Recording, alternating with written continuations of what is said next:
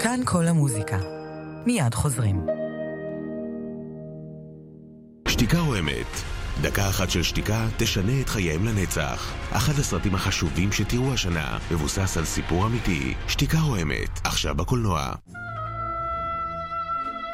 איתי טירן מביא אל בימת האופרה הישראלית תשוקה, טירוף ורצח. סלומה מת שטראוס בהפקה עוצרת נשימה, בניצוחו של דן אטינגר. סלומה, מ-8 עד 24 בינואר. לכרטיסים התקשרו עכשיו לאופרה הישראלית.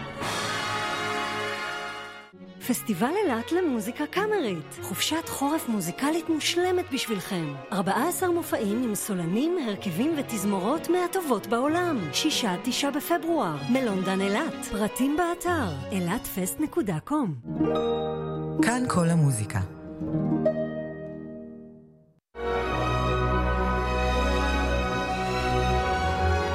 אתם מאזינים ל כאן כל המוזיקה.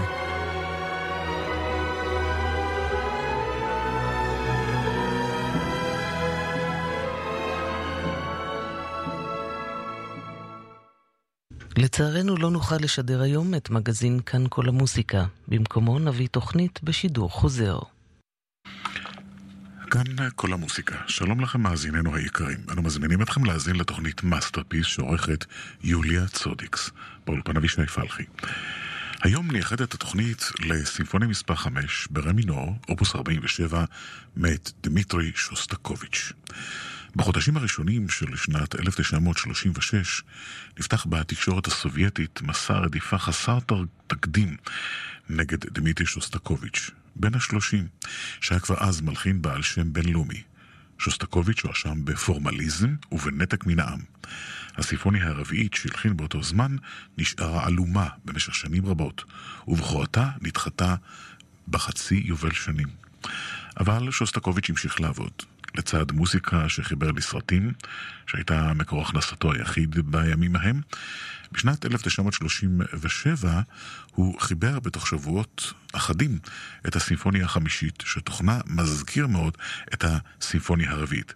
כשנשאל על מה מספרת המוסיקה בסימפוניה החמישית, ענה, רציתי להראות איך דרך שורה של עימותים טראגיים ומאבק פנימי גדול, מתבסס האופטימיזם כהשקפת עולם. ב-21 בנובמבר 1937 נגנה התזמורת הפילהרמונית של לניגרד את הסימפוניה החמישית בביצוע בכורה. על התזמורת ניצח יבגני מרווינסקי. האווירה בהופעה הייתה מתוחה, כולם ציפו לתגובתו של שוסטקוביץ' על ההאשמות הכבדות שהוטחו נגדו. הוא כתב אז על היצירה. נושא הסימפוניה שלי הוא התגבשות האישיות. במרכז היצירה הלירית הזאת, מתחילתה ועד סופה, העמדתי בן אדם על כל רגשותיו. פרק הסיום של הסימפוניה פותר את הרגעים הטראגיים והמתוחים של הפרקים הראשונים בצורה אופטימית ומלאת חיים. לעתים עולה השאלה אם יש מקום לטרגדיה באומנות הסובייטית. הבעיה היא שלעיתים מחליפים את הטרגדיות האמיתיות בייאוש ובפסימיות. אני חושב שלטרגדיה הסובייטית כסוגה יש מקום באומנות, כתב שוסטקוביץ'. בפרק הראשון של הסימפוניה נפרס סיפור מלא, מלא כאב אישי ועומק פילוסופי. השאלות המתוחות שבתיבות הראשונות מתחלפות במנגינת הכינורות. מנגינה לא יציבה, גבולותיה אינם מוגדרים. הנושא השני של הפרק הראשון, עדין, בהיר, טהור. בינתיים אין עימות, אלא רק צדדים שונים של דמות מורכבת. בפיתוח נכנסות רוחות חדשות, קשוחות. בשיא הגל הדינמי מתחיל מרש מכני, ועל רקע טיפוף נוקשה שומעים שוב את השאלות שעלו בהתחלה. הנושאים חוזרים עם סימני שינוי יותר כהים, יותר מעומעמים. הפרק השני בסימפוניה אלגרטו זהו סקרצו. ההומור שבפרק אינו תמים ואינו טוב לב, כפי שנראה בהתחלה. במוסיקה המעודנת בפרק הזה שומעים אירוניה, גיחוך, אפילו מכניות. התזמורת נשמעת כמו צעצוע מכני ענקי. הפרק מזכיר את הסקרצי הגרוטסקיים של מאלר. הפרק השלישי לארגו, זהו המרכז הטרגי והאמוציונלי של הסימפוניה, מין הרהור, מוסיקה שקטה, צורתה חופשית, ויש גם תכונות של סונטה. פרק הסיום, אלגרו נון טרופו, למוסיקה בפרק הזה מטרה, לצעוד קדימה. אפשר לפרש אותה כאופטימית, אפשר כקדחתנית. התרועות הפומפוזיות בסוף מתנגנות עם נקישות הולמות של טימפני שמבטאות חגיגה או אבל. הסימפוניה החמישית התקבלה בהצלחה רבה. השלטון מצא בה את כל מה שחיפש, ולא מצא ביצירותיו המוקדמות של המלחין. החברה קיבלה אותה כביטוי לסבל, והסימפוניה היא בהחלט התמונה המוסיקלית של תקופתה, תקופה שבה נוצרה. אנחנו כאמור נשמע עכשיו את הסימפוניה מספר 5 ברמינור, אופוס 47, מאת דמיטרי שוסטקוביץ'. מנגנת התזמורת הלאומית של וושינגטון בניצחו של מסטיסלב רוסטרופוביץ'.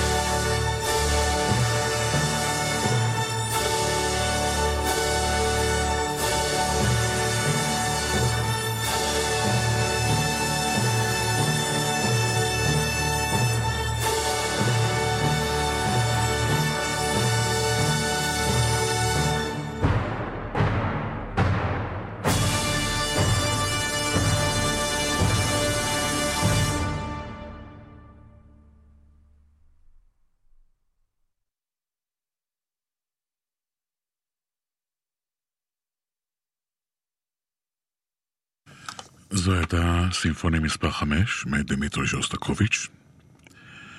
שמענו אותה בנגינתה של התזמורת הסימפונית הלאומית של וושינגטון. ניצח מסטיס, מסטיסלב רוסטופוביץ'. עד כאן תוכניתנו סיפור קלאסי שיוחדה היום לסימפוניה מספר 5 מאת שוסטקוביץ'. את התוכנית ערכה יוליה צודיקס. הנה, ככל שיותר לנו הזמן, נשמע פתיחה חגיגית פרי של אה, שוסטקוביץ', פתיחה אופוס 96. נשמע את התזמורת הפילהרמונית של סנקט פטרסבורג בניצחו של יורי טמרקנוב.